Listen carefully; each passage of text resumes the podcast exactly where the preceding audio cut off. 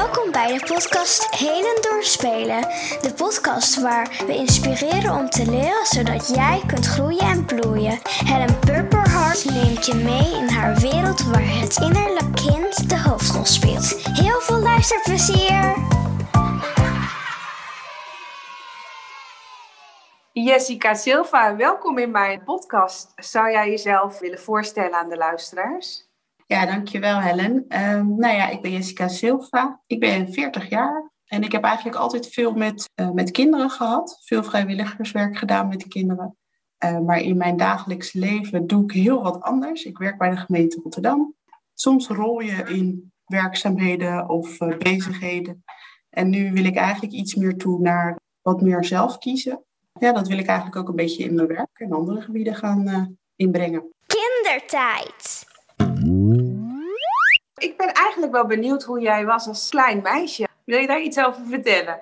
Ja, als klein meisje was ik een enorme kwebbel. Hield van kletsen. Ja, dat zit er nog steeds in. Heel leergierig. Als ik iets zag, deed ik graag met anderen mee. Om uit te proberen hoe dat was. Ja, ik maakte graag contact met anderen en sloot graag aan bij anderen. En kun je een voorbeeldje geven van wat het dan bijvoorbeeld is geweest wat je graag nadeed en ook wilde leren? Ja, dat was eigenlijk van alles, maar uh, bijvoorbeeld op sportgebied. Als ik dan iemand zag voetballen, wilde ik graag voetballen. Basketballen was het basketballen en uh, zo wel meer dingen. Ik vond alles leuk om uit te proberen. Tennis, echt wat er voorbij kwam, daarvan, ja, daar werd ik heel enthousiast van. Ik was wel een type van als ik me ergens voor opgaf, dan wilde ik daar ook wel echt me volledig toe zetten. Dus dan ja, konden mensen wel op me rekenen, vooral als het een teamsport was. Maar dingen waar, waarbij het makkelijker was om dat los een keer te proberen, dat vond ik ook gewoon heel leuk om te doen. Ja. En was er dan ook iets waar je in uitblonk? Nou, het grappige was, ik sprak pas mijn tante en ik had altijd in mijn hoofd dat ik vroeger heel sportief was. Nou, dat was wel zo, maar dat is waarschijnlijk gegroeid. Zij kwam een keer bij mij op een sportdag kijken en toen zei ze... Ja, ik had uh, verwacht dat je heel sportief zou zijn, maar je kon eigenlijk nog niet eens een bal vangen. Alleen had ik dan wel over anderen altijd van nee joh, maar dat moet je zo doen of dat moet je op die manier aanpakken. Dus ik had niet van mezelf door dat ik in sommige dingen eigenlijk helemaal niet zo goed was. Maar waar heeft het dan mee te maken? Had je gewoon heel veel zelfvertrouwen of, of geloofde je dat je er wel in goed in was? Wat was dat dan? Ja, ik denk een combinatie van die twee. Dus um, zoals ik mezelf herinner, had ik altijd veel, ja, veel zelfvertrouwen. Ja, misschien een beetje van, joh, ik probeer het gewoon en we kijken hoe ver we komen. De toekomst. Wist jij als kind al wat je wilde worden? Eigenlijk toen ik heel klein was, wilde ik graag kleuterjuf worden. Dan heb ik heel lang uh, heb ik dat in mijn hoofd gehad, van ik wil kleuterjuf worden. En wanneer ging die droom weg? Want je bent het uiteindelijk niet geworden. Nee, nee dat durf ik niet zo goed te zeggen hoe oud ik toen was. Of of dat als jong meisje was of een beetje op middelbare school. Maar ergens, uh, ik weet dat ik een gesprek erover voerde met mijn vader. En die zei, ja, maar daar kan je toch niet uh, goed, uh, goed van leven. En ik weet niet of het echt toen is gebeurd. Maar die, die opmerking en dat gesprek, dat is wel ergens in mijn systeem blijven zitten van... Volgens mij ben ik toen een beetje die droom los gaan laten. Heeft hij ook toen een advies gegeven wat je dan wel zou kunnen doen? Nee, Herinneringen. Wat is het grappigste wat je je kunt herinneren? Er komt eigenlijk niet echt iets grappigs naar boven, maar meer iets wat ik heel fijn vond om te doen lange tijd. En dat was dansen met mijn zusje en met mijn nichtje. En mijn tante hielp ons dan bij het instuderen van uh, dansjes. Ja, en dan hadden we uh, dat we op verjaardagen van de familie, mijn moeder komt uit een groot gezin, ja, dan gingen we als kleine meisjes op de tafel een optreden verzorgen. En dat vond ik heel leuk en fijn om te doen. En volgens mij was ik daar niet fantastisch in, maar zo voelde het wel alsof het heel uh, fantastisch was. Heb je wel eens iets heel spannends meegemaakt in je kindertijd? Ja.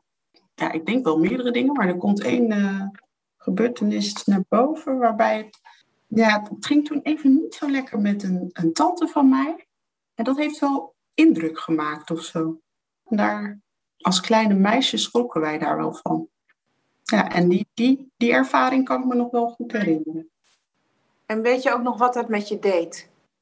Mm, eigenlijk alsof de zekerheden of zo die er waren, of het onbezorgde, alsof dat een beetje wegviel. Dat je ook een hele pittige kant zag van de wereld. Ja, hoe oud was je toen? Nee, ik denk een jaar of acht of negen. Spelen. Als ik terugdenk aan mijn kindertijd, was het eigenlijk vooral ja, heel veel spelen met nichtjes en neefjes. Mijn ouders werkten allebei, dus wij waren vaak bij opa en oma. Maar dat was echt een wereldje waarin alles kon, alles mocht. Uh, ik herinner me dan heel erg van dat we bij mijn oma in de straat dan bramen gingen plukken. En dan kwamen we thuis en dan was het, oma, mag er ook nog een beetje suiker op? Uh, mijn ooms en tantes, daar, een deel daarvan woonde toen nog thuis. Nou, dan gingen we heel vaak in hun kledingkast alles eruit trekken en dan lekker verkleden en gek doen. Lastige emotie. Heb je op dit moment nog wel eens last van de emoties? Um, ja, en ik ben er, me er nu ook wel soms van bewust. Dat je ook gewoon patronen van vroeger ook herhaalt. Dus soms als ik bijvoorbeeld kijk in mijn uh, werksituaties, uh, dat ik me soms afvraag van ja, waarom triggert iets een bepaalde emotie of een bepaald gedrag bij mij? En dan herken ik ook wel eens dingen van vroeger. Ja, mijn vader is vrij autoritair. En ik merk nu gewoon als ik dat in werksituaties tegenkom, dan is het net alsof dat kleine meisje er weer is.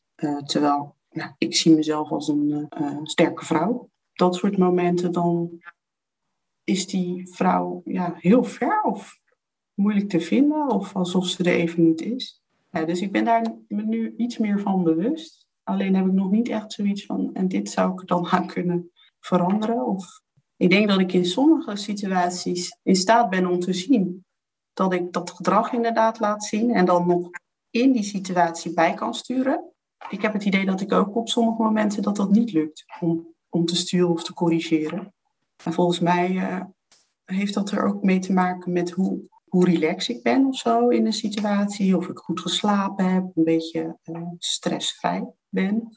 Uh, en of iets me heel erg raakt. Of dat ik denk, nou, lekker belangrijk. Als je nou teruggaat weer naar dat kleine meisje. Wat had dat meisje op dat moment nodig om beter om te kunnen gaan met de autoriteit ja, van de vader? Ja, wat als eerste in me opkomt is ik had als eerste gehoord en gezien worden. En daarna kwam voor vol aangezien worden.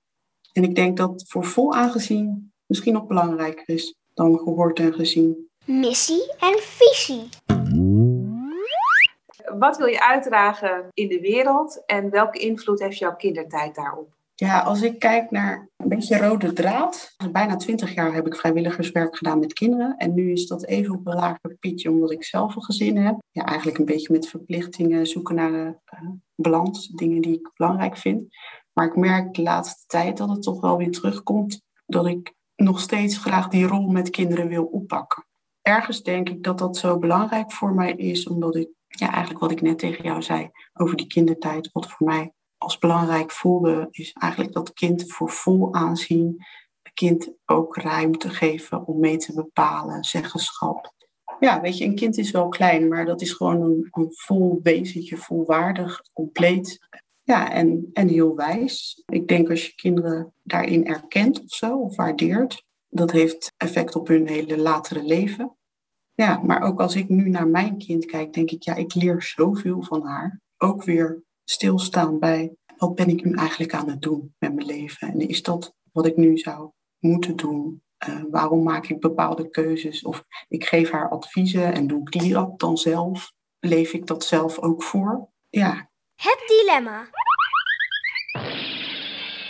Stel nou voor dat je zou moeten kiezen tussen altijd kind zijn of altijd volwassen zijn. Wat zou je dan kiezen en waarom? Oh jeetje, wat vind ik die moeilijk vind ik echt heel lastig om te kiezen. Want ik vind kind zijn, ja, dat was gewoon uh, super mooi en prachtig.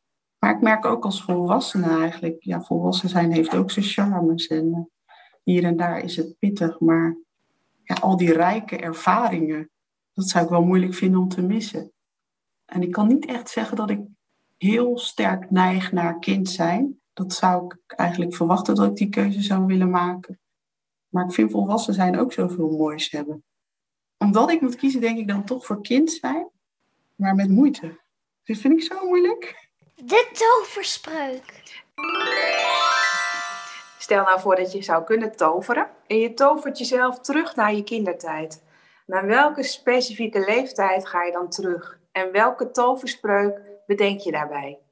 Ja, ik denk een beetje aan de kinderen van 6 tot, 6 tot 9 jaar. Dat vind ik gewoon zo'n mooie leeftijd. Omdat je dan eigenlijk net wat zelfstandiger wordt. Echt al wel compleet mini-mensje bent. Die weet wat ze kunnen, wat ze willen. En welke toverspreuk zou ik daarbij gebruiken? Bim, salabim. We gaan terug naar het begin. De speeltip. Teken iets ergens op straat en iedere keer als je er langskomt en je kijkt naar je eigen tekening, dan tover je een glimlach op je gezicht. Heb je al een idee wat je gaat tekenen? Ja, wat ga ik tekenen? Mooi fijn huis. En weet je ook al waar?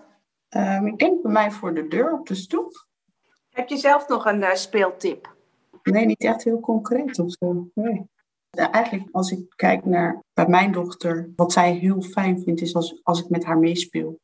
En soms eh, moet je even zo'n drempeltje over, maar ja, van de week bijvoorbeeld eh, heb ik met haar meegesprongen op de trampoline. En dan denk ik, ja, wat is dit heerlijk. Of gewoon touwtjes springen, van die hele simpele dingen. Ja, dan heb je een hele fijne middag.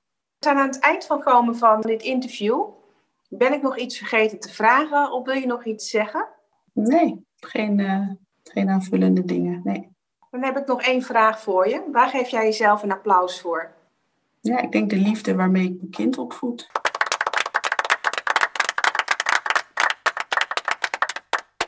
Hey, dankjewel voor dit fijne gesprek. Jij ook bedankt, Helen. Leuk weer. Doei doei! Hey, succes. Doeg! Superleuk dat je hebt geluisterd naar de podcast. Hopelijk heb je nieuwe inzichten gekregen. Wil je nog meer inspiratie? Ga dan naar helendoorspelen.nl. Ben je enthousiast geworden over deze podcast? Het is tof als je de link van deze podcast doorstuurt. Delen op je social media en je review achterlaten kan natuurlijk ook. Tot de volgende aflevering. Doei!